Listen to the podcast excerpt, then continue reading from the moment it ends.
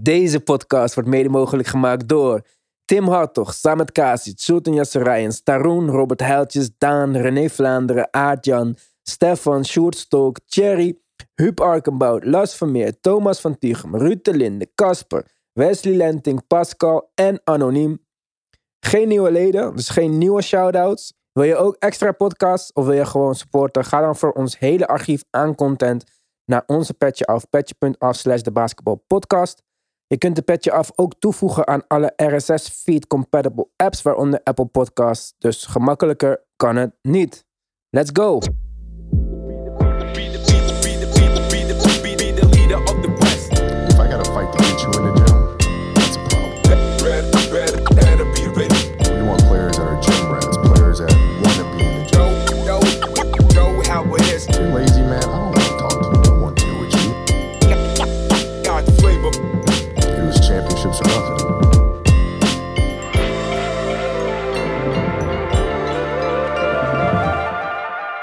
Nou jongens, dan gaan we het zo doen, want eh, beter gaat het ook niet worden nu.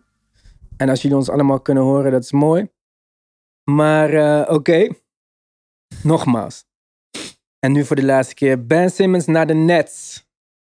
Eh, dit hebben wij al vaker gezegd. Dit is wat ik wilde. Sowieso, defense van de Nets wordt opgelost in de backcourt. Daryl heeft zijn man binnen bij de Sixers. Zijn favoriete speler. Alle tijden. James Harden. Uh, big deal van deze deal is dat Seth Curry verhuist naar de Nets. Dat geeft ze nog meer shooting. Ik weet niet eens wat ze gaan doen met Joe Harris, Patty Mills en Seth Curry nu allemaal op het veld. Maar uh, ja, twee first round picks van de Sixers ook nog. En dat is wel een ding, vind ik hoor. Voor een speler die in principe een aflopend contract had. Maar zoals we al eerder zeiden, als jullie erbij waren, is dat die player optie van uh, Harden gelicht is. Dus Harden zal zeker nog volgend jaar ook een Sixer zijn. En ze zullen ongetwijfeld van de zomer werken aan zijn extension dan. Maar ja, big deal, big trade. Twee concurrenten in het oosten ook nog eens een keer die naar elkaar treden. Dat maakt het nog wel extra spannend allemaal. Terwijl we hier naar de highlights van James Harden bij de Rockets zitten te kijken. Dat was nog een andere, ietsje andere James Harden dan dat hij uh, nu is. Ja. Ik zie hem over mensen heen dunken en zo. Dat hebben we dit seizoen niet uh, gezien. Ja. Maar um, ja, jongens, uh, dit, dit kwam even net door. Dit was ja, sowieso de grootste deal, denk ik. We gaan het zo meteen natuurlijk hebben over Christophe Porzingis, die weer van club verhuist. Maar als eerste als, wil ik even dan een rondje doen wat we vinden van deze trade. Ik denk dat dit voor de Nets ja, de perfecte trade is. Dit is wat ze nodig hadden. Met, Ky met Kyrie en KD had je al twee spelers die elk schot kunnen creëren als het nodig is in het vierde kwart. Ben Simmons' offensive limitations zijn daarom ja, een soort van geminimaliseerd. Hij kan die Bruce Brown rol spelen. Hopelijk gaan ze een soort van flow of offense spelen. Hopelijk gaat hij off-ball screen. Hopelijk gaat hij on-ball screen. Hij kan pick-and-roll spelen en echt rollen naar de ring met Kyrie en zelfs met KD. Uh, het kan super gevaarlijk zijn als ze hem op de juiste manier gebruiken. Iets wat ik vind wat niet gebeurd is. Niet onder Brett Brown. Op het laatst met Jimmy Butler. Niet onder Doc Rivers. Dus ik denk dat de mogelijkheden daar zijn om zijn offensieve limitaties zo ja, minimaal mogelijk te maken. En zoals ik al zei, KD en Kyrie hebben niet echt nog iemand nodig om een schot voor hen te creëren als het nodig is. Twee van de beste one-on-one spelers in de geschiedenis van de NBA. Bij de Sixers zie ik het anders. Ik vond Seth Curry en Joel Embiid een supermooie dribble handoff uh, combo. Iets wat we zagen met JJ Redick. Iets wat altijd werkt wat dodelijk is. En biedt dit jaar in topvorm natuurlijk. Waar ze bij de Nets Harden een beetje zat begonnen te raken. Omdat ze niet constant dezelfde aanval konden spelen. Vergeleken met hij op of van het veld af was. Denk ik dat het bij de Sixers een probleem kan worden. Want de aanval die Harden wil spelen. Ja, gaat hem niet worden met Embiid natuurlijk. Het kan niet zo zijn dat Embiid de bal 10 seconden in de post nodig heeft. En Harden de bal 12 seconden op de perimeter. Hij houdt de bal het langst vast van iedereen in de NBA. Dus ik ben benieuwd. Ik ben benieuwd wat ze ervan gaan maken. Maar ja, het blijven twee super scoring threats ten alle tijden natuurlijk. En uh, nu hebben we bij de Six iemand die zowel inside een schot kan creëren. Als iemand die op de perimeter dat kan doen. Harden zijn step back natuurlijk onverdedigbaar. Joel zijn post-up op dit moment onverdedigbaar. Dus uh, ja, Paul Millsap doet er niet toe helaas. Hoe zielig het ook voor Paul Millsap is.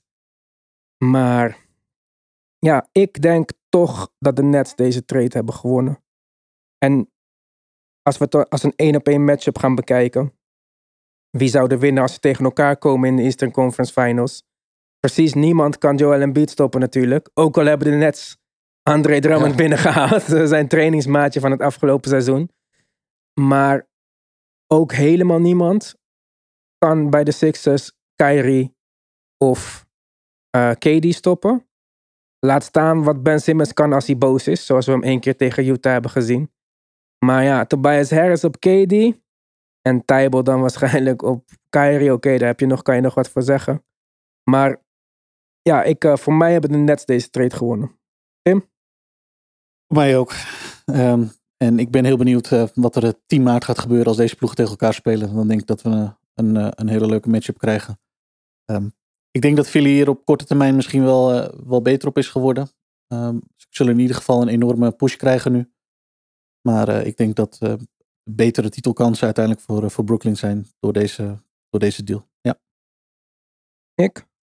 Ja, ik zou heel graag zeggen, willen zeggen dat de Sixers deze trade gewonnen hebben. Maar en ze houden Harris bij en ze geven Curry af. En nog twee, nou, misschien twee first round picks. Ehm Die ene first round pick trouwens, unprotected. 2026 of zo. 2000... 27 dacht ik. Oeh, dan is iedereen weg. Joel Ja, ja, ja. Embiid is- speelt niet meer. Ja, ja.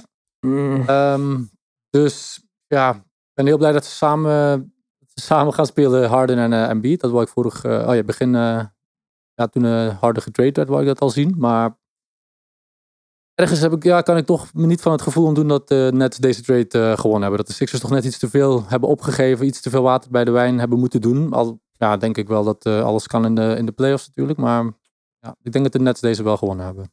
Die twee picks waren gewoon niet nodig. Ja, precies. Of, Ik vind Seth Curry. ja, of uh, Seth Curry, oké, als je dan Harris... eh, nee, sorry, als je dan Perry Mills in de plek krijgt. Ja, ja, dat was oké geweest. Dat had ik gehoopt Ja, toen ik de trade las.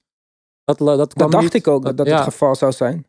Dat had ik begrepen. Dus dit laat wel zien dat Murray toch niet, zo, niet zo sterk die hand gespeeld heeft dan hij eh, gewild had waarschijnlijk. Dus eh, hij heeft wel harder, maar Ja, en natuurlijk helemaal gek als je bedenkt dat de Sixers, als ze gewoon Tobias Harris en één pick hadden getraind naar de eh, Thunder, hadden ze cap space gehad om Harden gewoon outright te signen in de offseason.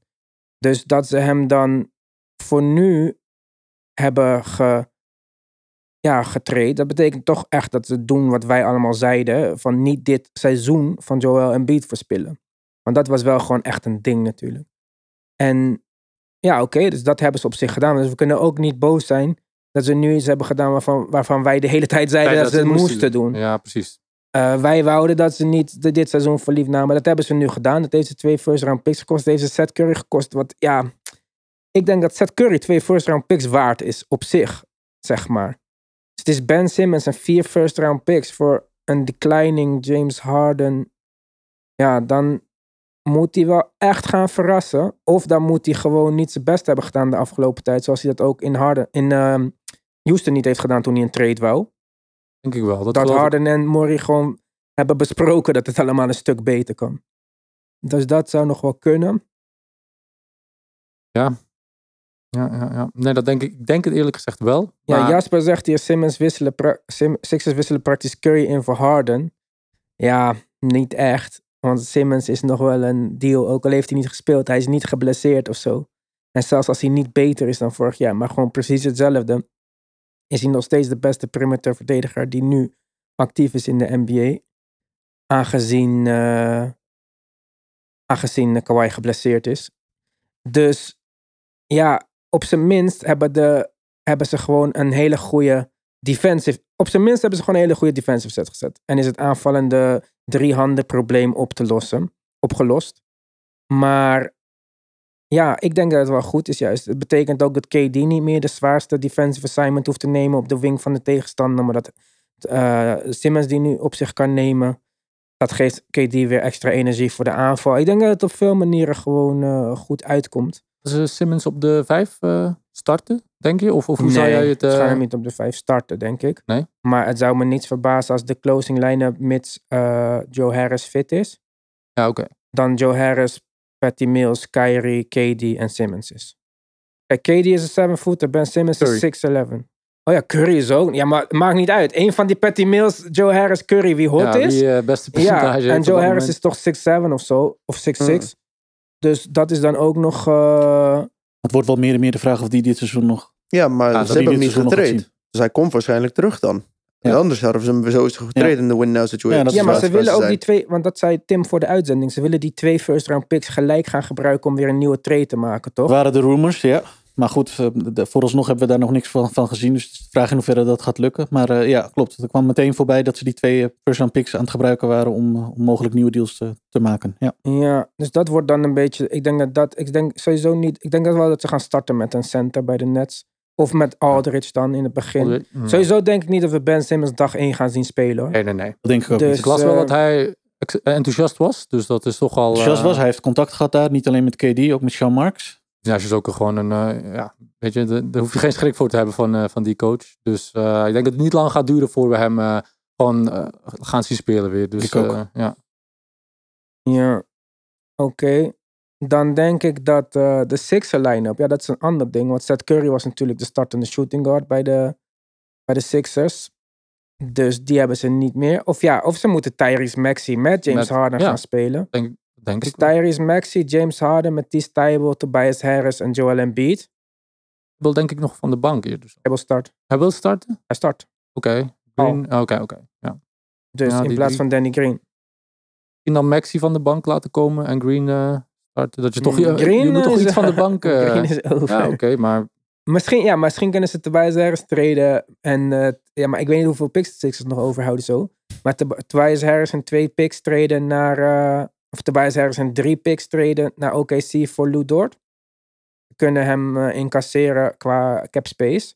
En dan hebben ze een extra winger bij en een wing defender. Dat zou, dat zou eigenlijk een stuk beter passen. Maar die gewoon weer drie picks eh, erbij dan. ja, maar ja, ja maar dat is toch wat ze willen. Dit is... eh, Ja, ja, Simon vraagt ook, Durant heeft met Simmons gesproken van tevoren.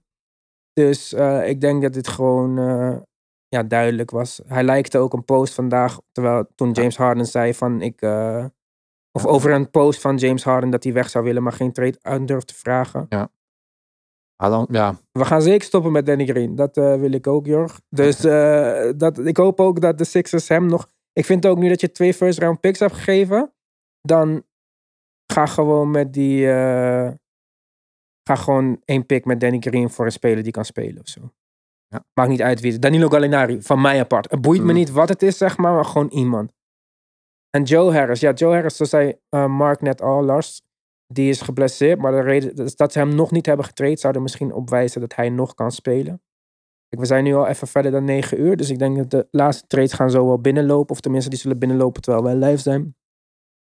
Maar ik denk dat we even verder gaan met de andere trade dan. Want eh, er is nog een hoop meer gebeurd natuurlijk. We gaan het sowieso straks hebben over de trades die al eerder deze week gebeurden.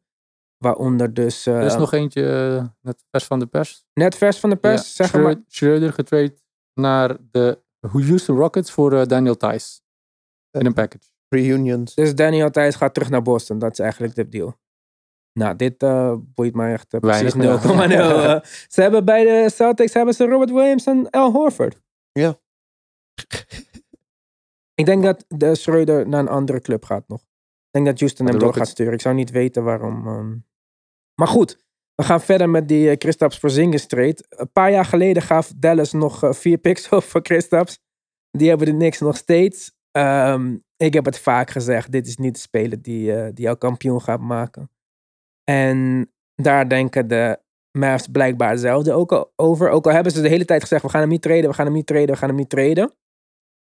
En voor wie ze hem nu getreden hebben, als dit ook echt de update is voor wat het is, is dat dan Spencer Dinwiddie, die dit- jaar bij de Wizards heeft gesigned en vooralsnog tegenviel. En Davis Bertans, die ook al een contract tekende en ook behoorlijk tegenvalt. Vorig jaar een van de betere driepuntschutters in de NBA. Dit seizoen een waardeloze bankspeler zelfs. Dus ja. Vier first round picks voor Spencer Dinwiddie en Davis Bertans. En als je Spencer Dinwiddie hebt met een driejarig contract, wat betekent dat voor Jalen Brunson? Eh, nou ja, daar, daar, daar sorteren ze nu een beetje op voor. Eh, ze, hebben nog, ze zijn nog steeds eh, vol vertrouwen dat hij gaat bijtekenen deze zomer. Maar er is natuurlijk gewoon een mogelijkheid dat hij kiest voor, voor het geld. Of in ieder geval voor zijn eigen team. Want Detroit wordt genoemd. Die hebben de ruimte om hem gewoon, om, om gewoon te signen. En hebben al hun interesse laten blijken. Eh, dus ik denk dat ze daar een beetje mee, eh, mee eh, in het achterhoofd deze trade gemaakt hebben. Ze hebben natuurlijk een extra balhandler nu. Die, die, ja, een van de drie zal van de bank komen. Ik denk niet dat ze ze alle drie tegelijk gaan spelen. En met Bertans hebben ze natuurlijk ja, in theorie een schutter in huis gehaald. Ja, je moet er wat van gaan maken, denk ik. Dat is nog wel nodig. Want Bertans, dat was dit seizoen natuurlijk niet veel bij, bij Washington.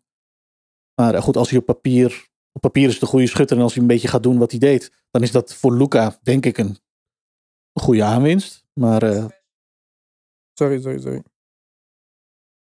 Praat maar verder.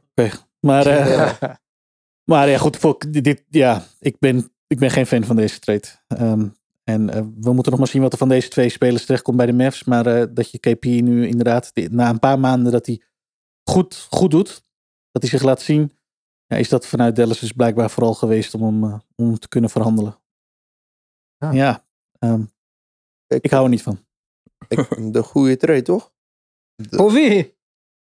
Zo- Sowieso voor de Mavs in dit instantie. Hoezo Kijk, voor de ze- Mavs? Ze ging nooit winnen met die, met die twee als hun top 2 spelers. Ja, maar Dus beter nu hebben ze je- geen frontcourt Maar spelers. David, het is niet voor dit seizoen, hè? Lucas 22. Ze ging dit seizoen sowieso niet winnen. Gaan ze winnen tegen de. Suns? Gaan ze winnen tegen de Golden, tegen Golden State? Nee, nee, Gaan nee. ze Dat, winnen tegen Brooklyn? Gaan ze winnen tegen de 76ers? Nee, dus misschien de nieuwe GM en de nieuwe coach. Ze hebben uiteindelijk besloten. Oké, Luca, we hebben gezien, dit gaat niet werken. Luca op een kleine contract en Porzingis op een groot contract. Nee, oké. We gaan nu even opnieuw bouwen. We hebben twee, dat was per Towns, dus eh, volgend jaar een expiring 16 miljoen contract. Dat is een goede contract waar je een trade kan meemaken. Ja, Dinwiddie- Tim Hardaway Jr. geblesseerd. Dus je hebt iemand daar in die twee, twee rol nodig. Of een goede speler.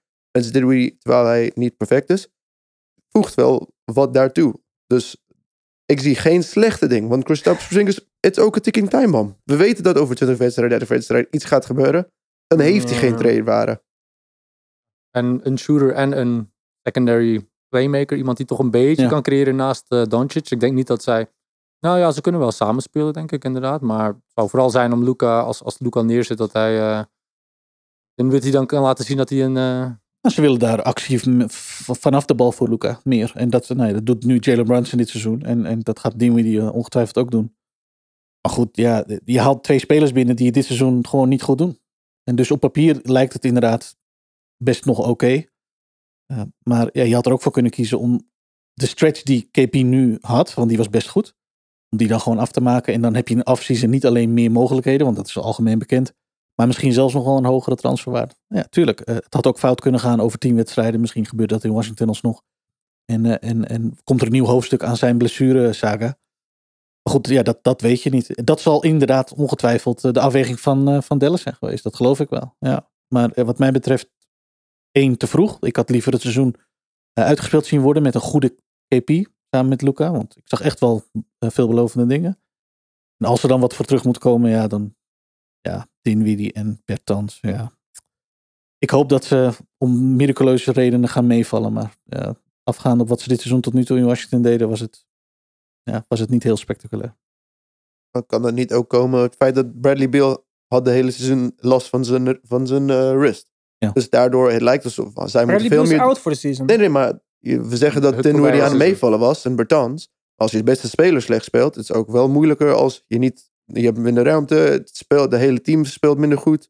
Spencer Dinwiddie zei zelf, ja, ik probeerde de leider te zijn, maar het was niet geaccepteerd. Klopt. Dus eh, ik zou ook dan niet uh, in me, ik zou ook niet mijn best doen als ik Spencer Dinwiddie was. Je hebt je contract, nu ga je naar Dallas, oké, okay, je Maar- kan wel jezelf bewijzen. Maar bij Dallas is, wordt hij ook geen uh, alles, alles behalve een leider. Want Ja. daar, had, daar zal hij zich moeten schikken naar, naar de rol uh, naast, naast Luca. En Luca is daar de leider. Dus Dus gaan ze winnen hier, hè? Als je wint, ben je altijd wat blijer. klopt. Maar- en van Bertans snap ik dat het misschien een mogelijkheid is dat hij opeens wel ritme gaat vinden. En, en schoten gaat krijgen, minuten gaat krijgen. Hoe- Je, je weet hoe dat werkt met schutters. Dat is gewoon een knop gaat uit of een knop gaat aan. Als het eenmaal gaat lopen, dan. En dan is hij gevaarlijk, dat weten we. Dus laten we daarop hopen. Maar afgaande op wat we nu dit seizoen tot nu toe gezien hebben van die jongens. Ja, vind ik. eh, uh, ik, word hier Ja. niet, uh, ik word hier nog niet heel warm van hoor. Ik hoop het, uiteraard. Maar de signalen zijn er nog niet. En je treedt wel een, een jongen als KP weg. Die uh, nogmaals dit seizoen wel goede dingen deed. In ieder geval tot nu toe. Ja, nee, dat is zeker. Uh, wie was de winnaar van de trade? Iedereen, Iwan, winnaar van deze trade? Nou, toch nog dan de Wizards, denk ik. Oké. Ik vind gewoon, Spencer Dinwiddie was niet goed dit jaar. Davis Bertans was niet goed. En ik zie geen picks.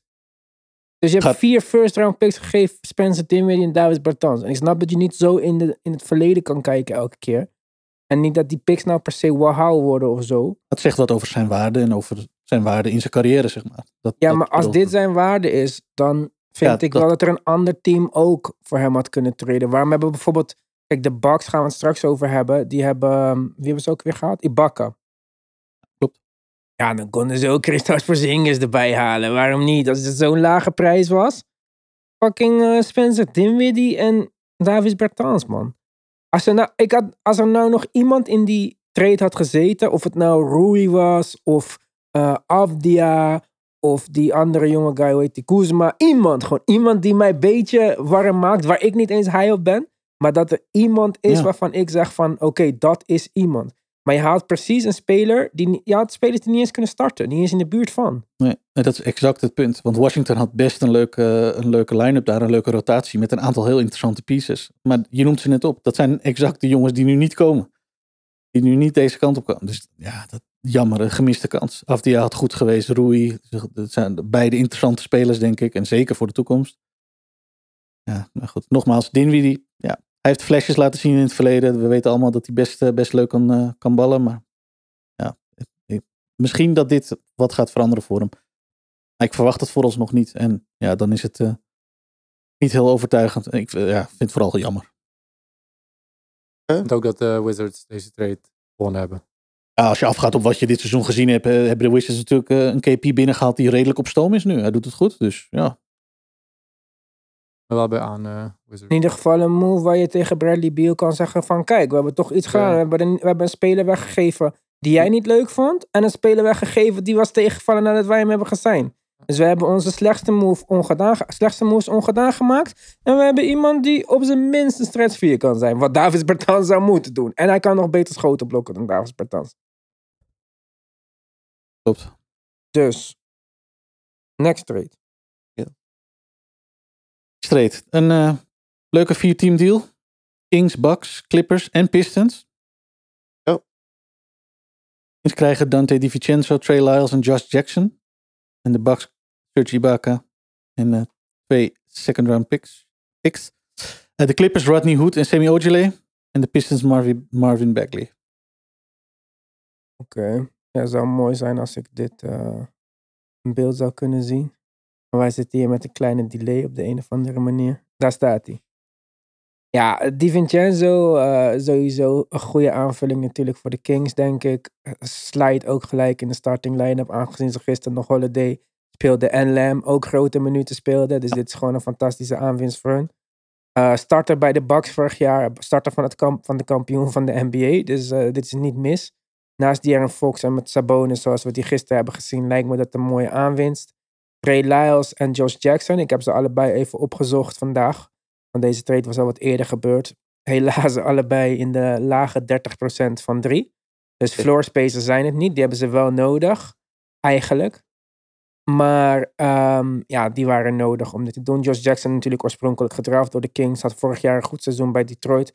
Maar kwam dit seizoen naar minder minuten vanwege ja, Kate Cunningham en alle andere spelers. Naar de Clippers, ja, eerlijk gezegd, eh, van de Clippers kant eh, snap ik dit helemaal niet. Ik zie het meer als een favor voor Ibaka en wij gaan dit seizoen zeker niet meer contenden. Want Sammy Ojeley en Rodney Hood doen er simpelweg niet toe. Maar Oosterley kan wel, Schieten, Ja, hij dat kan heeft hij schieten. niet laten zien. nee, kan wel verdedigen. Ja, Ja, maar speelt hij gewoon niet eh, beter dan Ibaka. Ibaka heeft van de week nog 28 punten gescoord of zo. Dit was gewoon een goede fit ook. En het was ook Kawhi's guy, hè. Maar ook een aflopend contract. Dus ehm, Lang geblesseerd geweest. Deed Ja. het nu goed. Dus dan heb je natuurlijk een beetje trade value wat je anders ja, niet en had gehad. als je dan zeker... Dan, ik, ik gok dat dat betekent dat niet eh Kawhi en eh Paul George gaan terugkomen dit jaar. Kijk, hun team is nog heel diep, hè? Een van de diepste teams. Ze hebben Reggie Jackson, Terrence Mann, point Ja, oké, guard. maar en hebben nog een paar Luke Kennard. Het- Het is niet alsof het team, ze hebben veel meer pieces dan ze hadden twee jaar geleden, om moves te maken. Daar gaat het om. Ze kunnen eigenlijk Oké, maar wie zijn hun frontcourt spelers nu dan bij de Clippers? Batum, Kofi, Rod Leher. Marcus Morris Senior, Robert Covington, Sammy hebben Covington. Zubac en Hartenstein. Oké, Het is nou niet ja, niks, hè? Je moet even- slecht, nee. Maar goed, de Bucks, want daar laten we even de rest van de trade afmaken. De Bucks krijgen Serge Ibaka. Die kan in theorie doen wat Robin Lo of, ehm, Brook Lopez doet. Drie punten schieten en erin verdedigen. Ook al is het drie punten niet meer wat het geweest is in de hoge jaren bij de OKC. Maar eh, ik denk zeker een aanwinst. Als Brook Lopez niet terugkomt, heb je nu met Ibaka en eh, Portis toch iets van een big man rotatie. Dus eh, ja, niet slecht om het erbij te halen. En ja, wat ze hebben opgegeven vind ik er echt niet toe doen. Dus oké.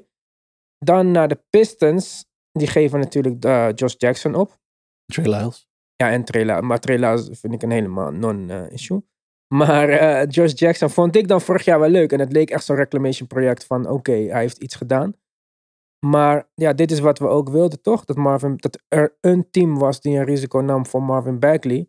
Nou, wat is de enige posities of positie waar de Pistons niet echt jonge spelers hebben, is, is de frontcourt. Dus ja, geef die jongen maar minuten. Ik zou ook gewoon eh, Kelly Olynyk traden nu. En hopelijk dat we Jeremy Grant nog eh, gaan zien verdwijnen ergens. Eh, zoals eh, de gaming chef hier zegt, dat is Wouter. Josh Jackson wordt Detroit native, wordt op zijn verjaardag weggetraind uit Detroit. Ja, maar ik denk dat Wouter toch blij moet zijn met deze Marvin Bagley. Ik denk ook dat Bagley, natuurlijk ook aflopend contract. Ik denk niet dat die van de zomer een, een, een hele grote deal ergens anders kan krijgen. Je kan hem een halfjaartje uitproberen. Als het je bevalt, heb je nog een big man erbij op de timeline met je andere jonge sterren. En ik hoop ook gewoon dat we bij hun de komende wedstrijden eh, Kate gaan zien met Killian Hayes, met Sadiq Bey, met Marvin Bagley. En met wie hebben ze nog meer starten? Ik heb geen idee. Kijk dit team nooit. Uh, maar waarom? De, ze, ze gaan waarschijnlijk een hele hoge draftpick krijgen. Ja, En als we kijken, de drie beste spelers in de draft ja. zijn allemaal big men. Ja, Oké, maar ze hebben toch twee big men nodig, of niet? Ze hebben er nul. Marvin Bagley zie ik niet als eh, een partner in crime met iemand. Oké, maar heb je liever nog een ander... Want Josh Jackson, de beste speler die zij hebben getraind, was de backup backup guard. Want daar hebben ze Kate, Killian, Sadiq Bey en waarschijnlijk nog andere mensen die ik niet weet. Maar Wouter gaat me sowieso eh, dat vertellen in de... Corey Joseph toch volgens mij daar ook? Ja, oké, maar als ik praat Ja, die speelt, maakt ook wel minuten. Ja, ja, ja, maar als we het hebben over wie er in de toekomstrotatie zijn.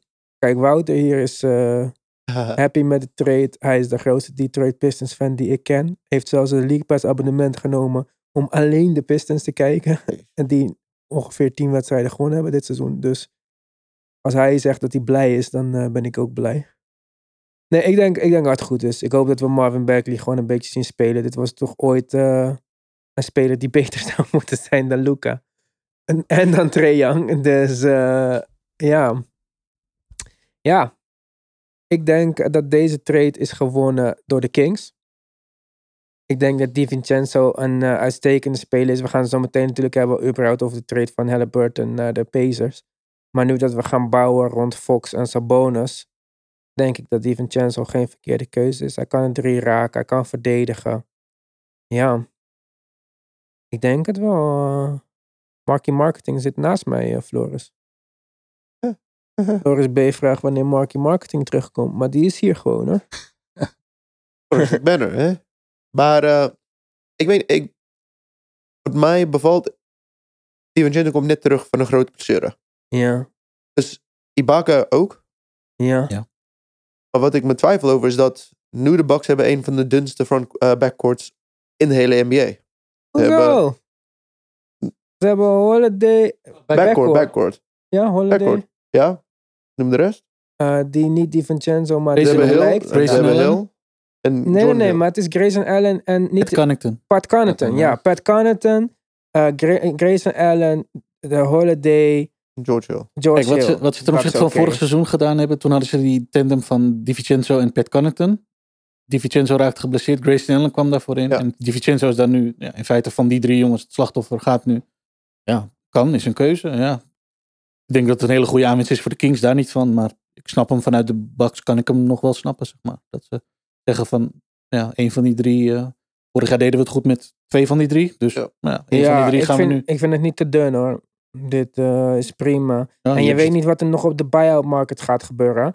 En verbaas je niet als eh, Houston die eh, pannenkoek uitkoopt, weet hij? Schreuder. Oh, Is toch net ja. getraind in. Houston? Had ook Ken- Kenter erbij. Die is ook uit, die, is, die Ja, die wordt is uitgekocht. geweest. Ja. Geweest. Maar Of, verba- geweest, eh, sorry. Het zou me niet verbazen als eh Schreuder ja. gaat verhuizen ergens naartoe en hou dan de Bucks in de gaten. Dus eh, dan zou het helemaal goed uitkomen. Dan wordt hij misschien herenigd met eh, een van zijn oude coaches. Zeg ik dit nou fout? Heeft hij nog onder de Boedenholz gespeeld bij de Hawks? Ja, dat denk ik wel. Ja, ja, zeker. Toch? Ja, zeker. Dus ehm, ja, ik, eh, ik vind het niet zo. eh, vind het niet zo duntjes. Ik vind het goed van Detroit. Ik vind het ook goed van de Milwaukee Bucks. En misschien uiteindelijk is dat toch ook wel de bigger deal. Omdat ja, het is, dat is het kampioenschapteam. En die gaan ook dit jaar waarschijnlijk ver komen. En zij halen een rotatiespeler erbij. En de Kings, hoe goed die move ook is voor DiVincenzo. Het is niet alsof we hen opeens gaan zien verder dan de play-in. Dus ja, misschien heeft dan toch, als je het dan zo bekijkt. Op de lange termijn zou ik zeggen dat de Kings deze deal hebben gewonnen. Ehm, op de korte termijn zou ik zeggen dat Milwaukee een goede move heeft gedaan. En misschien dat de Pistons ons kunnen verrassen. En nogmaals, de Clippers, eh, dit eh, snap ik niet. Dus hebben het volgens mij vooral gedaan om die taxbill iets naar beneden de bij te stellen. Dus Maar ze ik denk echt betalen dat heel de- veel. Ja, ik denk echt dat de Clippers klaar zijn met dit seizoen. Want dit Ja. is niet een move die je maakt. Ibaka is niet de, de speler die je wegtreedt. Kunnen we ervan uitgaan met Ibaka dat, ze, dat de Bucks rekening houden met het scenario waarin Brook Lopez dus niet terugkomt? Ze zeiden net gisteren dat eh, ze verwachten dat hij een paar regular seizoen- seizoenwedstrijden gaat spelen. Een paar. Het is niet alsof hij echt heel veel.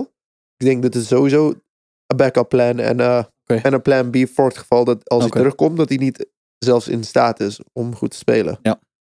En je krijgt sowieso 20 goede minuten van Ibaka. Maakt uit wat. Ja, ik, eh, ik vind het, ja. Ik vind Een leuke trade. van, voor iedereen oké. Dit was een van, kijk, eh, dit, deze trade kwam voordat we die Ben Simmons trade hadden, James Harden trade, en voor de Porzingis trade. En toen vond ik van deze trade, volgens mij iedereen een beetje in onze groepschat ook, van ja, leuke trade. Dit is gewoon een trade waarin iedereen eigenlijk heeft gedaan wat ze moeten doen, zeg maar. Dus, eh, en besef ook dat Milwaukee krijgt nog twee second round picks, hè. En dan denk je misschien second round picks, maar dat zijn Detroit future second round picks. En dat zijn er twee. Dat betekent 31ste, 32ste, 33ste pick als het aan Detroit ligt. Dus dat, zijn, dat, zijn eigenlijk, dat is eigenlijk nog wel een best een big deal hoor, dat ze deze twee picks erbij kregen. Want dit zijn gewoon eh, eigenlijk late eerste ronde keuzes. Dus afhankelijk van welk jaar natuurlijk. Want als het over vijf jaar is, dan bestaat er een kans dat de Pistons een stuk beter zijn. Maar eh, voor nu denk ik eh leuke deal. Ja. Volgende trade, Tim. Nou ja, we hebben er vandaag een aantal. Eh, ik denk dat we nu wel een beetje afdalen in, eh, in, in rank, zeg maar. Eh, maar er was er nog één tussen Boston en San Antonio, die wel het eh, noemen waard is. Derek White vertrekt naar Boston vanuit de... Laten we eerst deze trade doen dan. Oh, sorry, Ja. je hebt er Oh, sorry. Oké, cool. Ehm Jalen Ja. Smith. Tory Craig voor het tweede jaar op rij. Midseason verhandeld naar Phoenix. Vorig jaar gebeurde dat ook. Vanuit Indiana. Jalen Smith gaat eh, daarvoor van Phoenix naar Indiana. Daarvan is de verwachting dat ze hem eh, of doorverhandelen. Of nou ja, waarschijnlijk doorverhandelen. Er is erg veel interesse voor eh, Jalen Smith. Ehm, en het is nog zeker niet zeker dat hij eh, minuten gaat maken voor Indiana. Eh, maar voor Tory Craig uiteraard wel. Ik denk dat Phoenix daar zijn playoff rotatie een beetje mee probeert aan te sterken. Ja, maar En- dit was sowieso raar dat ze hem niet hebben geresigned. Dus hij was supergoed in de playoffs vorig jaar. Hij schoot zelfs drie punten raken. Hij is gewoon een goede verdediger.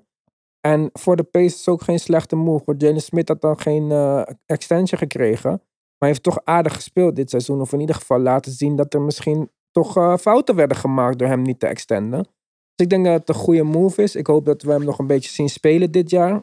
Pacers willen natuurlijk niet rebuilden, maar die willen retoolen, zeg maar.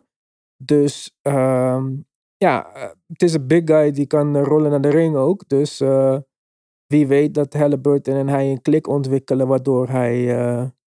want vergis je niet hoor, als het niet goed gaat met Halliburton en Turner, dan is Turner weg bij de Pacers deze zomer. Dus dan is, is, de- is er een rol voor elke big man daar. Absoluut. Alleen of hij echt heel veel minuten nu gaat krijgen, dat weet ik niet. Want ze hebben ook nog Bitatsen natuurlijk daar zo.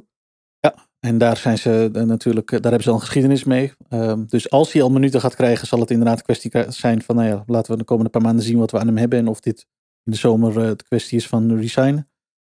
Um, en voor Tory Craig, ja, uh, prima toch? Het lijkt me een belangrijke, goede rotatiepiece voor een uh, contender als Phoenix zijnde. Um, ja. Dus ja. Tory Craig is prima. En Jalen Smith is ook goed. Ze hebben een tweede, second round pick hiervoor gekregen ook nog. Vind ik niet eens nodig. Maar goed, second round pick van de Suns. Als het een dichtstbijzijnde pick, dichtstbijzijnde pick is, is natuurlijk de 60ste of de 59ste pick. Dus dat is ook weer niet een super big deal. Maar uh, in Jalen Smith krijg je toch een jong talent. En Torrey Craig ging vorig jaar ook volgens mij voor een second round pick weg voor zichzelf. Dus dan denk ik dat de Pacers een goede deal hebben gedaan.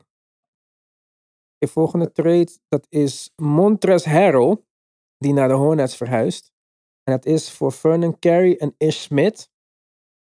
Ja, ik weet niet of de Wizards echt Vernon Carey en Ish Smith uh, wouden hebben. Maar Ish Smith heeft wel een geschiedenis bij de Wizards. En heeft het zelfs heel aardig gedaan daar. En niet alleen heeft hij het heel aardig gedaan, hij heeft het daar heel aardig gedaan naast Bradley Beal. Wat allicht ook meespeelde, omdat Bradley Beal de man is die tevreden moet worden gestemd bij de Wizards. De Hornets krijgen eindelijk een center, die hadden ze hard nodig. Volgens mij Plumlee daar de center, die schiet dit jaar 30% van de vrije worplijn. Dat is een record aller tijden. Uh, heb ik toevallig vandaag gelezen, anders had ik dit ook niet geweten. De Hornets hebben volgens mij zes wedstrijden op rij verloren. Zo heeft uh, iemand mij vandaag verteld, familie Ryans. Dus um, ja, hebben ze nu een big. En het is zeker een leuke uh, rol in de big voor LaMelo om pick mee te spelen. Six Man of the Year nog vorig jaar natuurlijk. Vorig jaar, ja. Poeh. Maar ja, echt de rim verdedigen doet hij niet. En dat is wel een beetje wat ze nodig hebben. Want de Hornets defense is niet uh, echt de beste. Dus vind ik dit een goede move? Nee, niet echt. Want uh, je had ook kunnen gaan voor een Christian Wood. Of iets in die richting. Of iemand anders. Die wat meer toekomst heeft. Dit is een leuke bijzaak. Huh? Hadden ze voor Wood misschien niet meer moeten opgeven? Ja, ongetwijfeld. Maar wat wil je?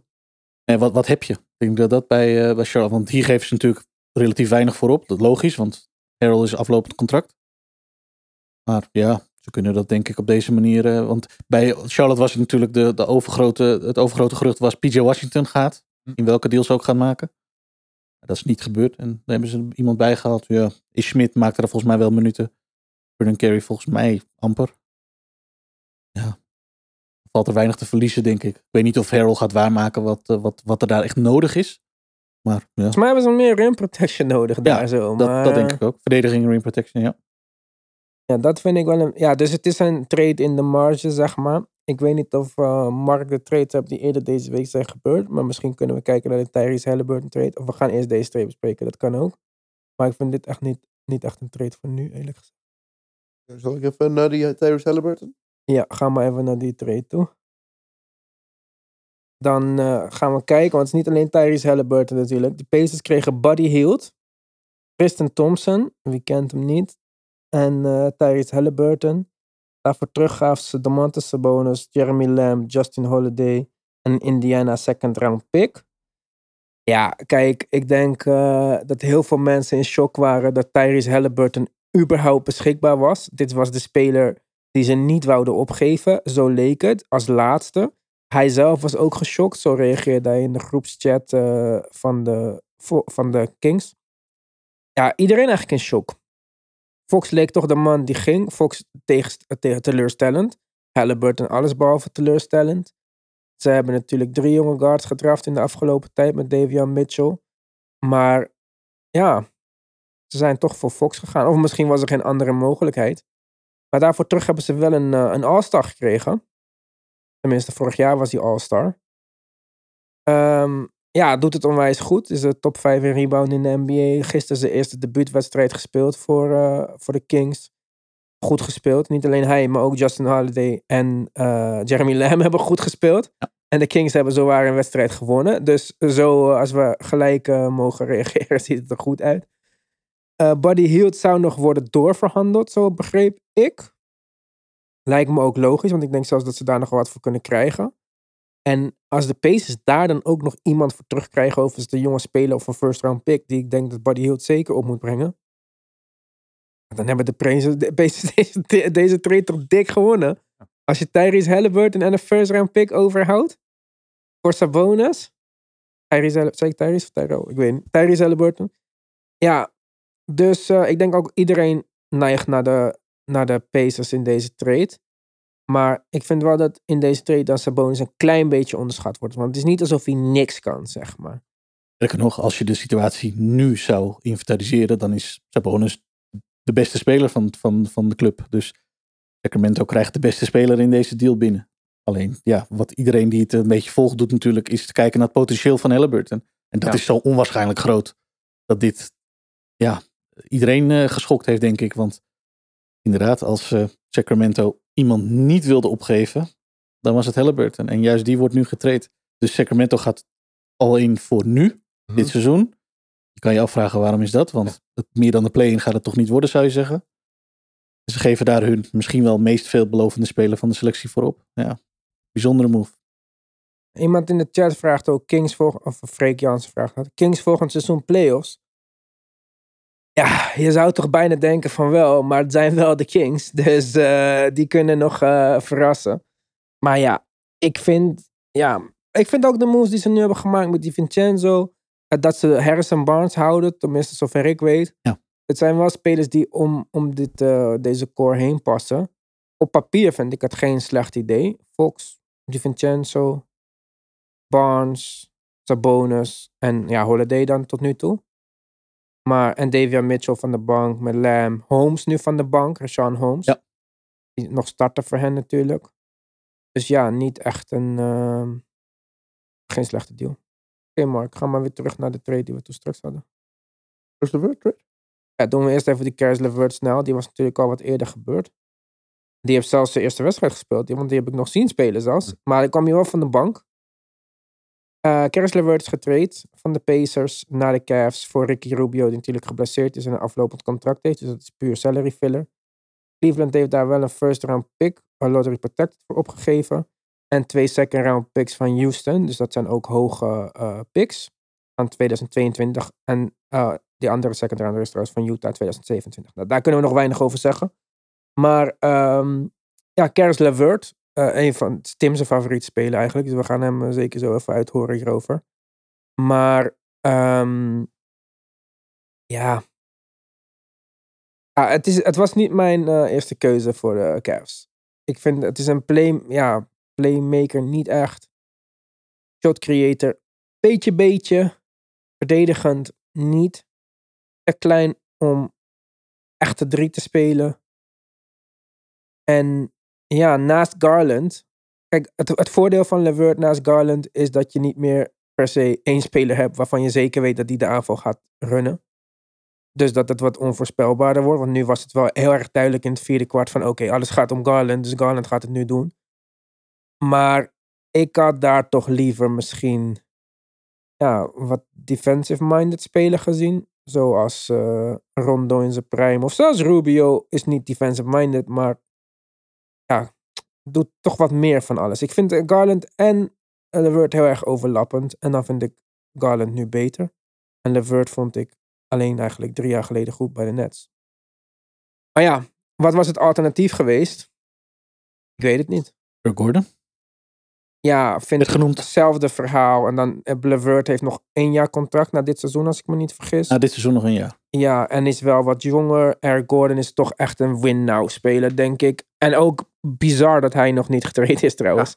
Arme man. Ja, als iemand een, echt een plug-and-play aanval, eh, of een plug-and-play aanvulling kan zijn voor elk contending team, is hij het wel.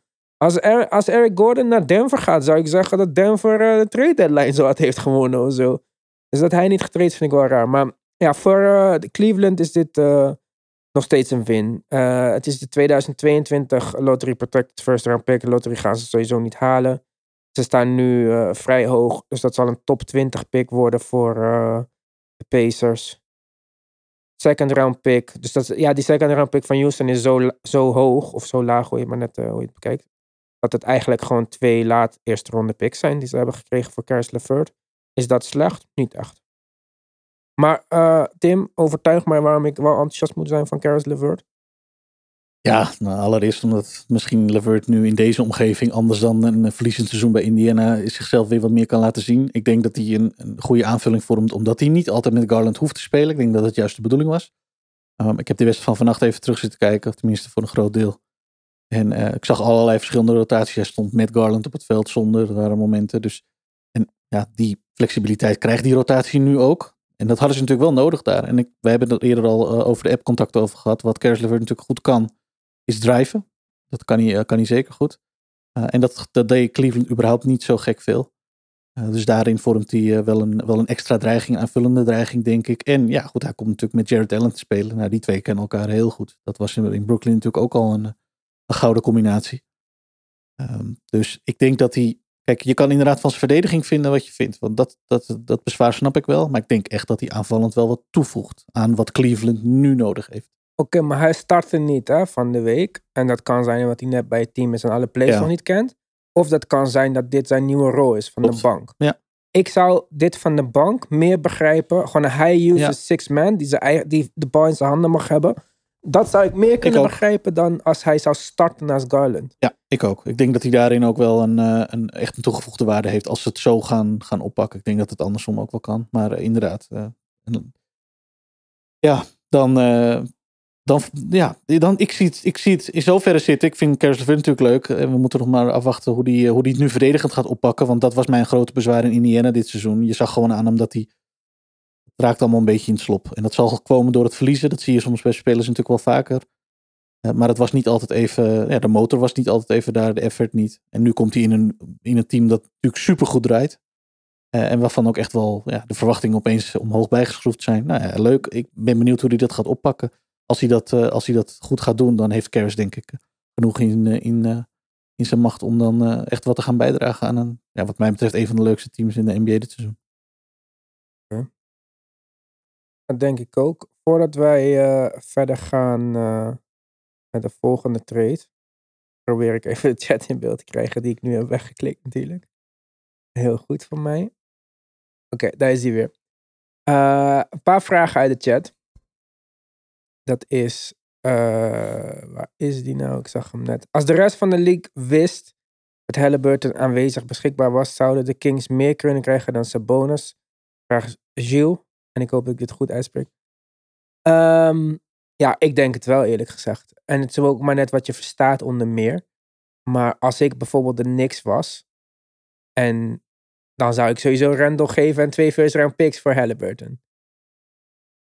En niet dat de Kings liever Randall willen dan Sabonis. Maar vorig jaar waren ze allebei All-Star. Dit jaar zijn ze het allebei niet. Dus is dat meer dan? Ja, twee first round picks is meer. Maar ik denk, wel, ik denk wel dat er een team was die bereid was om meer te betalen. En wij hebben het net over de Cavs gehad. Ik zeg niet dat ze iemand hebben om te treden voor dit. Maar Halliburton naast Garland had ik ook wel zien zitten. Want Halliburton is een soort van de steroïde versie van Ricky Rubio eh, ongeveer. Die nog drie punten kan schieten. Hij kan pasen, hij kan een half-court set playmaken. Kan eh, 40% schiet hij van drie en hij kan verdedigen. Dus ja, ik, ik had dat wel ook. eh, maar ja, wat is dan meer? Maar ik denk wel dat er meer was als het echt eh, openbaar en bekend was dat hij eh, beschikbaar was. Ik denk dat iedereen ervan uitging dat hij niet beschikbaar was. Ik denk ook dat dit de sentiments eh, rond de league waren. Ja, Dus eh, Ja, ik denk dat ze van Fox moeilijker afgeraakten en dat allebei houden niet, geen goed idee was. Dus daar hebben ze met Sabonis wel een mooie Ja. slag binnengehaald. Ja, tuurlijk. Maar daarom zeg ik ook, kijk, iedereen op Twitter en in de NBA deed een beetje alsof het echt een superwin was, alleen voor de Pacers. Maar ja, wat ik zei, Sabonis is misschien wat een, ja, wat traditionelere big man. Kan niet de floor spacen. Maar hij is wel gewoon een goede passer. Kan playmaken vanuit de post. Ook iets wat eh, heel goed kan werken. Ik denk gewoon, ja, dat het grootste probleem voor de Kings is dat je twee beste spelers gewoon niet kunnen schieten. En dat zijn Fox en Sabonis dan. Maar goed, met, heet die, Barnes eromheen, met DiVincenzo. Als ze nog een andere shooter eh, wing erbij hebben, misschien kan je dit dan compenseren. Dus, ehm, ja. Ja, ik weet niet of ze meer hadden kunnen krijgen. Ik, ja, we hebben de ene franchise eh, beste speler voor de andere franchise beste speler getraind. Dus ja, als, als de Knicks Randall hadden getraind voor Sabonis, dan eh, zou ik dat als een big win zien voor de Knicks, zeg maar. Dus ik denk dat het niet... eh, Pacers hebben het ook gezien als een big win voor de Pacers. Ondanks dat hun beste speler weggetraind werd. En dat zegt denk Tyrese ik genoeg. Halliburton kwam, bedoel je? Ja. Ja, ik snap dat dit ook een big win is voor de Pacers. Maar ja, Naast Duarte, nou ja, het is perfect. Toekomstplaatje is perfect. Het toekomstplaatje is perfect. En nog met Master, Master is niet weg. hè. Die is daar ook nog. Nee, DJ en- Warren die Hield, niet gaan ze die wegdoen, denk je? Of Eh, het werd- de, meteen na de trade werd er gezegd dat ze met Buddy Hield... Waarom? Ja, want zich Hield en Hij kan erbij. Halliburton kan... Ja, Hij kan erbij. En dan heb je wel gereden kans dat hij van de zomer dat er nog wel wat. eh, ja, Ja. want er is interesse, er is veel interesse voor. Ah, ja. Dus Ja, valt maar goed mee. vergis je niet, uh, Hield verdient 24 miljoen per jaar. Dat is meer dan alle shooters.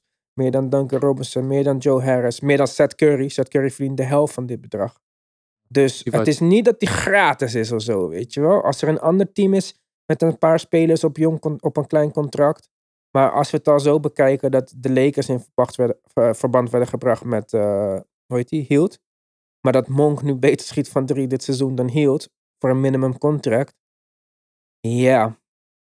Maar vergis je niet. Als de Sixers op de een of andere manier Tobias Harris kunnen treden voor Buddy Hield. Ja. Ik weet niet of de Pacers überhaupt daarmee akkoord zouden gaan. Maar waarom niet? Als je Duarte hebt en je hebt eh Halliburton op rookie contracts. Dan kan je wel een andere speler met een groot contract erbij hebben. Nog een first round pick van Philadelphia erbij, Tim. Interesseert je dit wat? Nee. nee. Niemand wil Tobias Harris. Kom op. Arme Nee, nee, Tobias. maar, maar ook in, in alle objectiviteit. Eh, wat, wat voegt Tobias Harris als je kijkt naar het lange termijn plan? Want je, ik bedoel, je bent niet bezig om dit seizoen eh, er de beste voor te staan. Wat voegt hij daaraan toe? De jongen is veel ouder, verdient belachelijk veel geld voor wat hij produceert. ja. En is daarmee, eh, ja, ik, ik zag wat er vandaag veel gespeculeerd werd. Tobias Harris naar OKC, die da- daar geabsorbeerd werd. Want die hebben natuurlijk de ruimte. Ja, dat zag ik zitten, dat zou ik snappen. Maar naar Indiana, nee. En een first round pick van Philly. Nou, in ieder geval niet nu. Ik zal niet veel voorstellen nu. Oké, gaan we verder met de volgende traat, eh, tra- traat. Volgende Nou. vraag uit de chat. Gaat Ras nog weg, denken jullie? Nou ja, tot nu toe heb ik nog niks zien binnenkomen.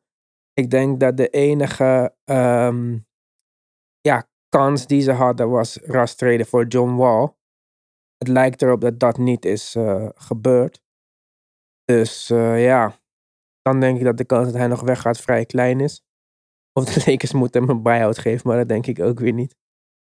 Eh, zijn de Nets beter met Ben Simmons en zonder Harden? Ja, ik eh, vind van wel. Tim, ja of nee? Nets beter met Ben Simmons en zonder Harden? Nick? Het wordt een Ehm, moeilijk, ja. Dit is een hele moeilijke Ja. vraag voor Nick, jongens. Nee, nee, eh, nee. Ja? Ja. Mark? Markie Marketing? Nee. Oh, Mark gaat even wat anders kiezen nu. Waarom vind je ze niet beter zonder Harden dan? Wedstrijden dat die drie samen hebben gespeeld. Alleen 18 Dat wedstrijden. is waar. Ja, En toen waren ze de beste team met odds voor de kampioenschap. En nu Maar- met de trade is het anders. Nu hebben ze slechtere kansen dan het begin van de seizoen. ja, maar toen had Harden nog niet besloten dat hij weg wou en eh, gewoon niet wilde spelen voor de Nets. Eh, neem ik wel mee in rekening, anders eh heeft het weinig zin dat hij nog dat hij daar blijft. Dus, volgende trade. Eigenlijk. Goeie. Ja, maar dit is eh, niet zo boeiend. Derek White gaat naar de Boston Celtics voor Josh Richardson, Romeo Langford en een Boston first round pick. Wat, wat is de pro- protection? Weet iemand dat? Wat ik hem heb genoteerd was hij eh, one through four. Oké, one through four is niet de slechte protection. Hm, Maar ja. goed, daar, daar gaan de Celtics sowieso niet eindigen in 2022. Dus Richardson deed het wat beter nu voor de Celtics. Hij werd een soort van ook als playmaker gebruikt, af en toe backup playmaker. Ehm Derek White, ja, leuke speler voor, de, voor Boston, zeker. In- Ik ben niet super eh, enthousiast voor de Spurs over deze trade. Oké, ze hebben weer een first round pick. De Spurs zijn goed in pikken, tenminste, dat waren ze ooit. Josh Richardson, ik had hem doorverhandeld als ik hen was. Ik zou niet weten. Maar misschien maakt het ook meer ruimte hè, met Derek White weg. Dat we meer ruimte hebben voor Lonnie Walker. En dat we meer ruimte hebben voor. eh nou, John, de John. Murray had al ruimte, maar we hebben die Josh Primo nog. De Vazel is daar nog. Dus misschien was dit ook gewoon een trade om minuten te krijgen voor de, voor de jonge spelers. Wat me nu aan doet denken dat de Knicks geen fuck hebben gedaan. En dus wel dat moesten doen eigenlijk om voor Cam Reddish eh, tijd te creëren. Ja. Maar. ehm, Derek White was daar inderdaad de oudere van, van, Ja. van die rotatie. Dus ik denk dat dat dan de motivatie is voor de Spurs, eerlijk gezegd. Ehm, Boston heel goed. Iemand een beetje zoals Marcus Smart. Marcus Smart. Ja. Een redelijk playmaker. Schieten ook. Dus dan heb je 1 tot 4 superspelers, zou je kunnen zeggen. Marcus Smart, Derek White, Jalen Brown, Jason Tatum, Offord, Grant Williams, noem maar wel Robert Williams. En dan eh, nog het center, die ze hebben net voor getraind. Ik denk veel beter voor hen. Nu hebben ze vier echt topspelers. En zijn al goeie, goed bezig. Zeven wedstrijden op rij Ja. gewonnen. Ja. Denk met Derek goede, White. goede defense. Derek White die heel goed speelde bij het Olympische team. Met die twee spelers van Boston. Ik denk het een win-win voor eh, Boston. En Brad Stevens is eh, goed bezig, voor mijn gevoel. Ik denk dat ze niet zo gek veel opgeven. Josh Richardson deed het wel beter dan die bij Ja. Dallas deed. Dat dan weer wel. Eh, maar Romeo Langford kwam daar amper aan spelen toe. Kreeg of te weinig kans of deed het niet goed. Is maar net hoe je het ziet. Ik denk wel een interessante speler voor de Spurs. Maar eh, inderdaad, Boston eh, was natuurlijk allereerst bezig dit, deze trade deadline om, om onder die eh, te geraken. En hebben nu, nou ja. Ik denk met Derek White wel een, een goede. Ik denk dat het goede aanvulling is. Ik vind. Derek White best een goede speler. Pop hield ook van hem bij, bij de Spurs. Ja. En dat is niet zonder reden. Dus ja, ik ben benieuwd. Boston kan, eh, als het zo doorgaat, nog wel wat leuks gaan doen. eh, tenminste, wel wat leuks gaan doen. Moet ik niet overdrijven. Maar, want de East is wel heel, heel competitive. Ehm, maar eh, wordt wel een interessante race daar. Richting, richting de zesde plek. Dus nou ja, interessant. Next trade. Ja, nog een trade van de Spurs. De Spurs hebben hun record in traden in het seizoen verbroken, keer vijf of zo. Ehm, ze treden Thaddeus Young, die ze al niet eh, speelde of wel kwijt wouden. Drew Eubanks, backup center en de Detroit Future second round pick naar de Toronto Raptors. Daarvoor terug krijgen ze Goran Dragic, die bought out of geweefd zal worden. En een Toronto Future first round pick. Dus eigenlijk eh treden ze een speler in Thaddeus Young die niet meer daar wou zijn. En een backup center die ook volgend jaar uit de NBA kan zijn. Drew, Drew Eubanks, wat die naam. Ja. Eh, die is al gewaved door de Raptors. Oké, dus- Wauw. dus, die, dus eigenlijk treden ze gewoon... Eigenlijk is dit gewoon een simpele trade. De Raptors krijgen Thaddeus Young. De Raptors hebben echt behoefte aan een rotatiespeler. Want die spelen hun starting line op 40 minuten per wedstrijd. Dus ehm, dat, dat is voor hen wel een goede deal, denk ik. Thaddeus Young. Ze treden daarvoor Goran Dragic, die het hele seizoen al zit. En ja, ze treden een first round pick. Dat vind ik misschien wel een tikkeltje veel voor Thaddeus Young. Maar ze krijgen ook een Detroit Future second round pick terug. Detroit is een slecht team, dus second round picks vallen hoog of laag uit. Dus die, ja, je wisselt een... Ja, het scheelt 10 plekken ongeveer, die pick die je treedt. Maar eh, ja, Goran Dragic's buyout, die zal of naar Dallas of naar Miami gaan, denk ik. Tim hoopt naar Dallas natuurlijk.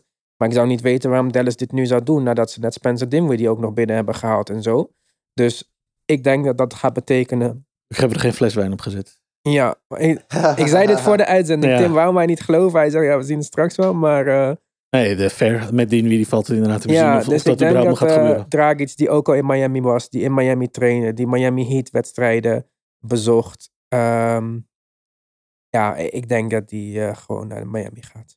En wat ook voor Miami weer leuk is. Maar voor de Spurs weer een first round pick. Die zijn echt in asset eh, ja, verzamelmode. modus. Ja. Dus eh, ja, even kijken. We gaan even naar de chat. Gaat Russ nog weg? Die hebben we al gedaan. Ben Simmons, yep. Denken jullie dat de trade value daalt van Grant nu hij van de zomer pas traded wordt? Denk ik niet, want hij heeft nog volgens mij een jaar contract na dit seizoen, toch? Ja, Of- nog een seizoen. Eén of twee, ja. Dus ehm, nee, ik denk het niet. Ik denk dat zelfs als hij niet speelt, het is gewoon zo'n piece die je er altijd bij wil hebben. Afhankelijk van wat hij zelf wil. Als hij wil spelen zoals hij speelde bij Denver, is hij voor elke contender een aanwinst. Als hij wil spelen wat hij deed zoals bij Detroit, ja, dan heeft het geen enkele zin om voor hem te treden. Want elk team die hem nodig heeft, is hij niet de tweede beste speler of zelfs de derde beste speler. Dus ehm, dat, dat ligt er een beetje aan dan. Tim, ik neem aan dat je het met me eens bent dat traden voor KP, voor Bertans en Dinwiddie een big L is voor de Mavs, vraagt Joey Venlo. Ja, in ieder geval op dit moment. Eh, ik eh, heb net snel even Twitter eh, geraadpleegd om ook even de sfeer te proeven. Maar eh, nee, die is, die is zeer negatief. Dus eh, eh, ja, op dit moment, eh, we zullen zien hoe die twee jongens het gaan doen. Maar op dit moment, nee, eh, is er weinig enthousiasme voor deze trade eh, in Dallas. Ja. Oké, dan hebben we hier nog eh, van Wesley. Shout-out naar Wesley. Bulls wil de Williams niet wegdoen om Grant te krijgen. Is dat een slechte set van de Bulls? Nou, Mark noemde die trade al eerder. Ik zei toen, dit is belachelijk. Dit gaat never gebeuren. En ja, ik eh, bleef daarbij tot de trade eh, deadline eigenlijk. Hoe goed de Bulls ook zijn, ze hebben zeker wat hulp nodig. Is dat genoeg om ja, je zogenaamde beste jonge speler op te geven? Williams is nog ontzettend jong en heeft in de gelimiteerde minuten die hij heeft gespeeld hoop laten zien. Ik denk dat Grant niet een groot genoegen vis is voor dat. En, ehm, er was net een tweet van Woj waarin de president van, vice-president van eh, de Bulls heeft gezegd dat hij Patrick Williams dit jaar nog wel terug verwacht.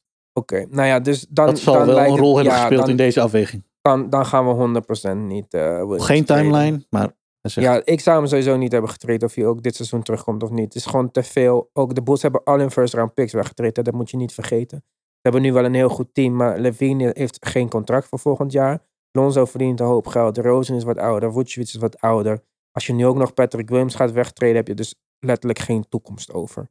Want de Rosen en Vucevic zijn klaar over drie jaar of vier jaar. Dus ik vind het niet zo gek dat ze Williams niet willen treden voor Jeremy Grant. Die twee jaar geleden nog voor een eh, second round pick van eh, OKC naar Denver ging. Drie jaar geleden. Dus eh, hoeveel weken zou Simmons nodig hebben voordat hij kan spelen? Ik denk dat we hem binnen twee weken zien met eh, gelimiteerde minuut. Dan moet de wedstrijd spits worden natuurlijk. Leuke facts, zegt Gilles.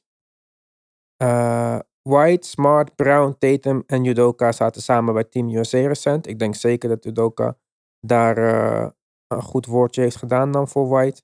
Judoka ook een oude assistent van de Spurs, waar hij natuurlijk White ook kent. Dan zien we nog... Boston heeft nog vijf roosterspots vrij. Ja. Dat verrast mij. Dus eh, dat wil niet per se zeggen dat ze dat nog op tradegebied gaan doen. Maar vergeet niet dat na het tradeseizoen het buyout seizoen wordt. En dat we een aantal veteranen van de wat lagere clubs zullen zien worden uitgekocht. Dus eh, wie weet dat Boston... eh, ja, Joey Venlo. ik ben ook benieuwd. Holland. Hoe lang? Hoe lang? Oh, is dat hoe lang dat ik het niet zie? Of eh, is dat gewoon wat hij bedoelde, denken jullie? Dat wat hij bedoelde. Aha. Een paar keer nagelezen. Je bent ook benieuwd hoe lang Simmons nodig heeft om weer veld op te stappen, ja?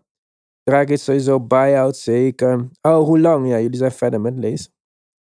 Is LA LeBron zijn laatste team? Nou, LeBron heeft van de week gezegd dat eh, als zijn zoon Bronny de NBA haalt, dat hij hoe dan ook met hem wil spelen, op welk team dat dan ook is. Dus eh, dat zou betekenen dat LeBron misschien in het slechtste geval nog een minimumcontract kan nemen om met zijn zoon te spelen.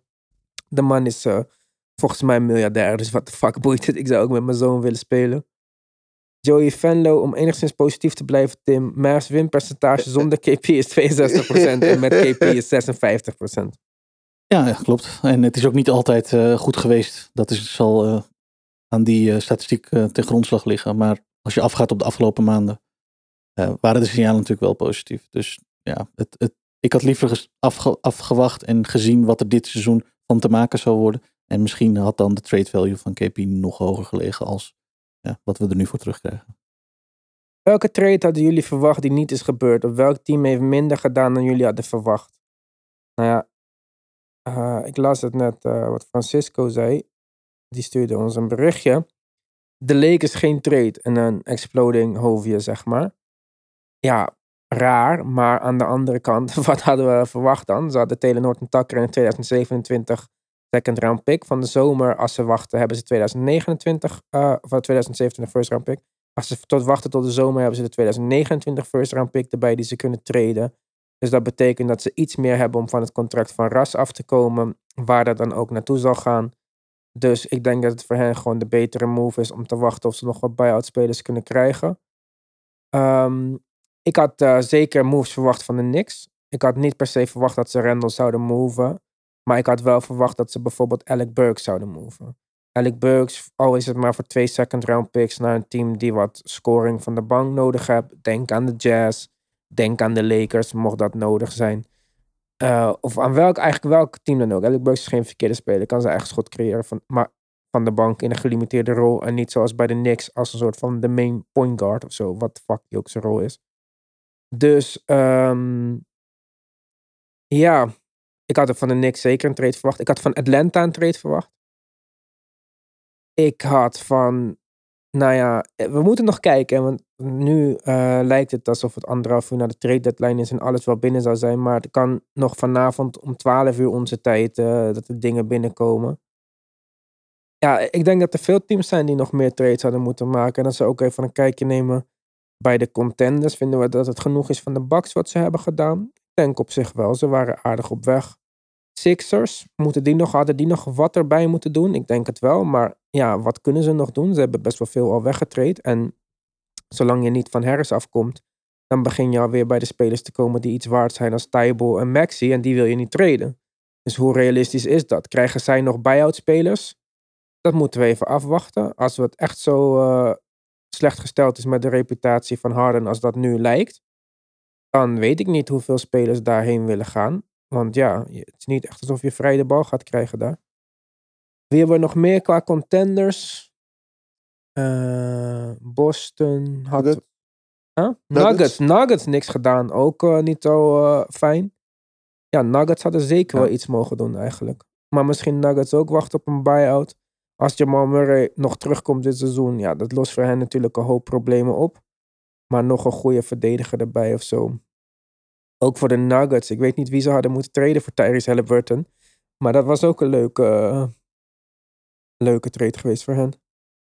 Dus gaan we verder met de volgende trade. Nikhil Alexander Walker. Juancho Hernan Gomez. eh, in een drie-team trade. Dus eh Juancho en Nikhil komen bij de Jazz. Thomas Satoransky en een, Ut- een future second round pick van Utah bij de Spurs. Weer een future second voor de Spurs. Is Satoransky niet al ge- gewaved? Volgens mij wel. Of misschien blijft hij, maar dan nou ja, maakt ook niet zoveel uit. En Joe Ingles die niet meer in actie komt dit jaar. Dus gaat puur om salary filler. En eh, Elijah Hughes en een Ut- Utah future second round pick. Gaan naar Portland. Eh, deze trade kan natuurlijk, omdat de trade die wij nog niet hebben bespro- besproken, de trade van CJ McCollum is. Wat handig was geweest als we die eerst hadden besproken. Maar zo zijn ze ook dus aan de Nikhil Alexander Walker gekomen, Portland. Want CJ McCollum is natuurlijk naar, ehm weet het, Louisiana? New Orleans. New Orleans. Ik wist de staat, maar niet. eh, eh, ja, dus ik dacht ook eh, in die trade dat Portland, maar die, die trade gaan we zo bespreken, dat Nikhil Alexander Walker een van de main pieces zou zijn. En als je daar dan nu alleen eigenlijk een future second round pick voor terugkrijgt, ja, vind ik dat wel heel matig. Ja, dit is een trade met weinig winnaars, denk ik. Want zelfs voor de Jazz, Nikhil, Nikhil Alexander Walker is een jonge point guard met potentie. Denk niet dat dit het team is waar je die potentie waar kunt gaan maken, omdat je toch in de, ja, in de rotatie achter Mike Conley zit, achter eh, Clarkson zit, achter Donovan Mitchell zit. En de Jazz zijn win now en niet win later. Dus ja, ik snap het niet echt. Want Johanna Gomez zie ik nog wel minuten maken voor de Jazz. Extra rotatie piece misschien. Spurs eh, doen dit puur voor de second round pick en om van Juan Johanna Gomez af te komen.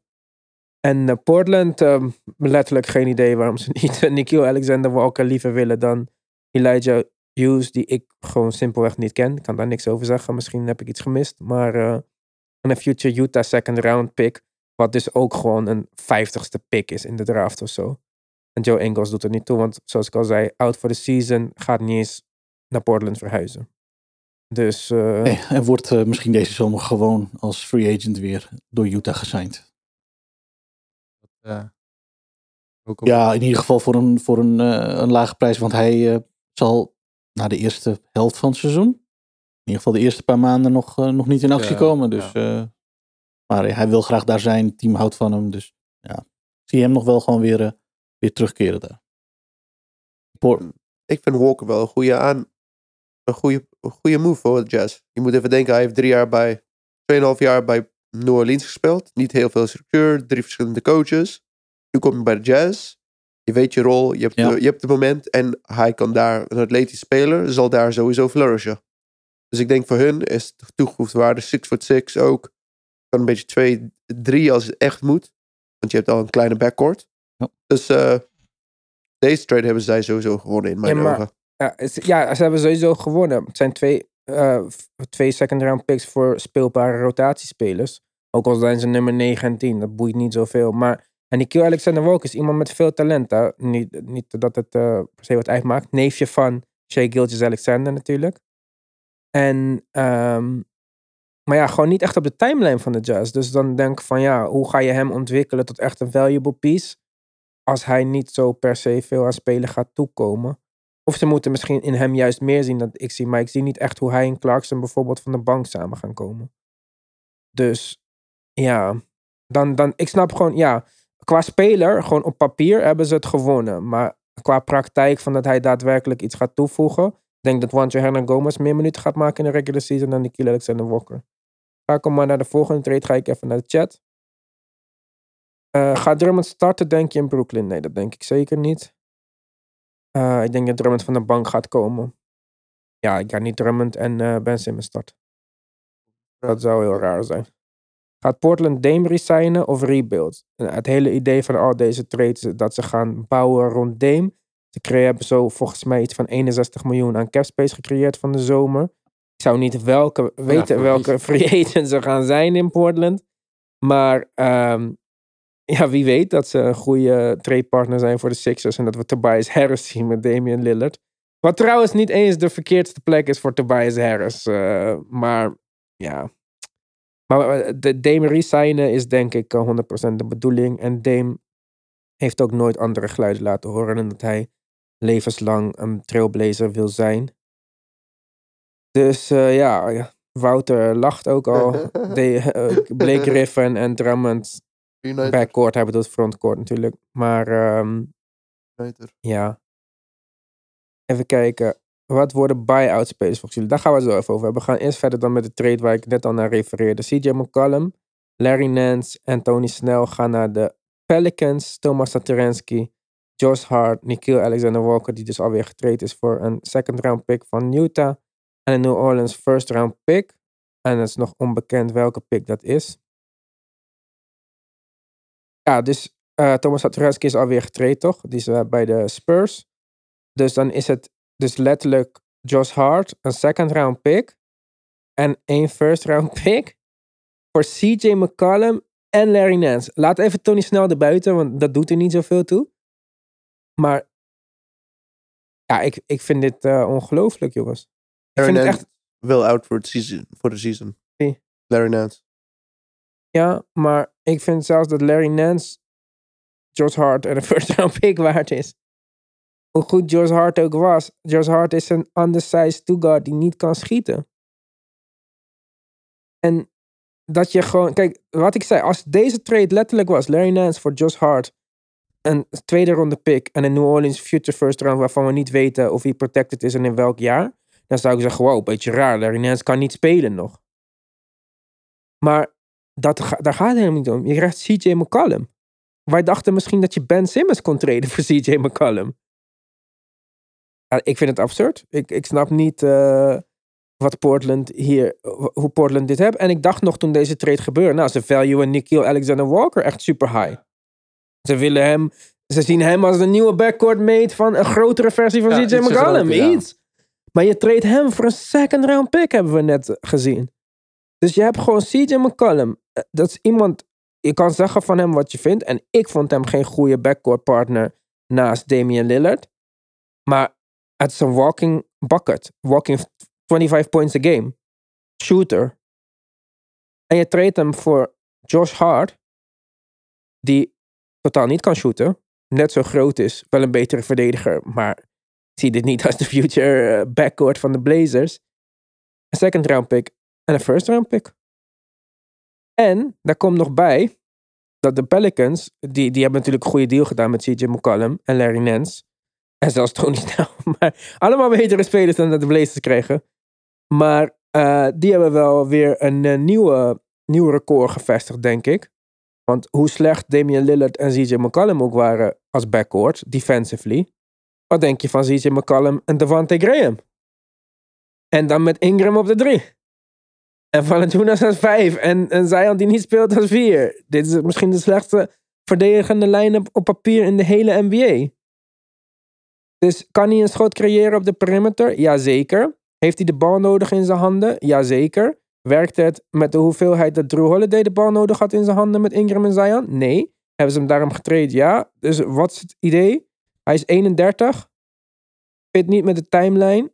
Kijk, ze hebben er niks voor opgegeven, nogmaals. En misschien kunnen ze hem van de zomer flippen voor een speler die veel beter bij hun timeline past. Ze hebben sowieso de beste asset gekregen in deze deal. Maar op papier ook geen perfecte fit. En het is een win-now move. Wa- Wat gaan de Pelicans winnen? De nummer 10 plek van de play-in toernooi? Dus ik begrijp de move niet voor de lange termijn. Nu zijn ze even relevant. David Griffin is de slechtste GM in de NBA, bewijst die keer op keer. Dus eh, ik ben benieuwd of ze nog iets gaan doen. Maar zolang zij al niet terugkomt, is eigenlijk de hele Pelicans gewoon niet relevant. Dus eh fuck dat. Dus, ehm, maar ook, eh, ook de Portland Trailblazers. Als je dit terugkrijgt voor McCallum, vond Damon McCallum niet ideaal. Maar ik zou niet weten hoe je met een New Orleans Future First en een second round pick en George Hart en nog wat andere assets die ze nu hebben gekregen, een betere speler gaat halen. Ze hebben al hun spelers weggetreden. Ze hebben vorig jaar twee picks opgegeven voor Robert Covington. Ze hebben pick opgegeven voor Larry Nance. Ze krijgen nu minder picks terug dan dat ze vorig jaar hebben uitgegeven. En ze willen een heel nieuw team bouwen. Snap het niet. Dus nee, ik vind deze trade niks. Voordat we naar de volgende trade gaan. Even kijken, wat worden de buy-out spelers volgens jullie? Ja, zo even uit mijn hoofd. Eh, ik denk Dennis Schreuder. Ik kan me niet voorstellen dat hij bij Houston gaat spelen als hij niet verder getraind is op dit moment. Ehm, nou, volgens mij Thomas Satoransky dan. Die hebben we al genoemd. Tony Snell ook wel. En die we nu nog even in beeld zien staan. Of tenminste, hier staat hij nog even in beeld. Ehm, ja. Even denken, jongens. Als jullie mij helpen denken. Wie zijn de buy-out spelers? Oeh. het Dragic natuurlijk. Dat hebben we al En genoemd. Dragis wordt zeker een buy-out speler. En die zal dan naar Miami voor. gaan. Denken jullie dat Josh Richardson blijft waar hij is? Of kunnen de Spurs Josh Richardson uitkopen? Zou dat heel gek zijn? Ik denk het niet. Zij spelers uit, de Spurs. Ik denk dat ze gewoon... eh, Hmm. Dat is waar. Dus eh, ja, ik weet niet wie 1, 2, 3 de buy-out spelers worden. Tim, heb jij nog een trade eh, in de aanslag ergens voor mij? Alles wat ik in de aanslag heb zijn ehm, dingen in de marge. Dan gaan we die dingen in de marge eh, bespreken. Eh, ik zag voorbij komen, en die trade, daar zijn de details nog niet van beschikbaar, dat Aaron Holiday van Washington naar Phoenix is getraind. Oké, Nogmaals, grappig. ja. Eh, dus Washington eh, doet meer dan alleen eh IKP-trade. Nou ja, dat hadden we natuurlijk ook al gezien met Montezero. Ehm maar goed, de rest, details van die trade zijn nog niet bekend. Ik heb ze ook nog niet voorbij zien komen, dus dat, eh, dat zal in de komende uren wel, eh, wel meer bekend worden. Ehm, veel meer trades heb ik dan niet. Wel een aantal ehm, updates. Ehm, de Rockets hadden, hadden NS Kenter, of Freedom, whatever, Ja. binnengehaald. En het is vrede. En die is eh gewaved. Hm. Dus als we het over buyout kandidaten hebben, nou, daar hebben we is ook buy-out kandidaat misschien. En dan zag ik een deal voorbij komen. Ik ben heel hard. Even kijken of Daniel Thijs. Even kijken. Boston is sending Schroeder to the Rockets. Ja, dat wisten we. Ja. Houston is trading Daniel Thijs to the Celtics. Wisten we ook. Ball to the Magic. PJ Dozier Ja, from the Celtics. dat hadden we inderdaad. eh, de, de move waarmee de Celtics onder de, onder de luxury tax kwamen was eerder vandaag eh, een, eh, een deal waarin ze Bol Bol en PJ Dozier beide out for the season samen met de second round pick en cash naar de Orlando Magic hebben verhandeld. Hoor? Voor een protected second round pick. Maar de incentive... weinig. Ik vind PJ Dozier best wel oké. Ook als hij out voor de season is toch niet zo'n slechte move van eh de Nee, maar Magic? voor Boston was dit, dit was puur geld gedreven. En ze wilden per se deze deadline onder de luxury tax komen. Dat, daar zaten ze nog iets van, eh, nou ja, ik geloof iets meer dan een miljoen boven. En deze twee jongens wisten natuurlijk van dat ze dit seizoen niet meer in actie zouden komen. Dus was dit, eh, was dit de oplossing voor nu. Ja, PJ Dozier ben ik met je eens. Eh, ik vind dat niet zo'n gekke speler eigenlijk. Bolbol, ja. Er, er, is, er is een clubje mensen wat dat een heel interessante speler vindt. En de rest van de NBA denkt, ja, het zal wel. Ja. Interessante speler van NBA 2K, maar... Ja, precies. Tot Dus, nu toe doet Brad Stevens het echt goed, vind ik, als GM. Waarom? Ze zijn nu onder de luxury tax. Dus dat betekent dat ze out de repeater tax zijn. Dus ze kunnen nu vanaf nu weer bouwen. voor de eerste keer. En Ze hebben geen last ervan. Dus ze kunnen iemand echt aannemen nu. Of de spelers voor krijgen. Eh, ze hebben eigenlijk, zoals ze zeiden, best een goede frontcourt. Ze hebben Derek White, goede contract, lange tijd.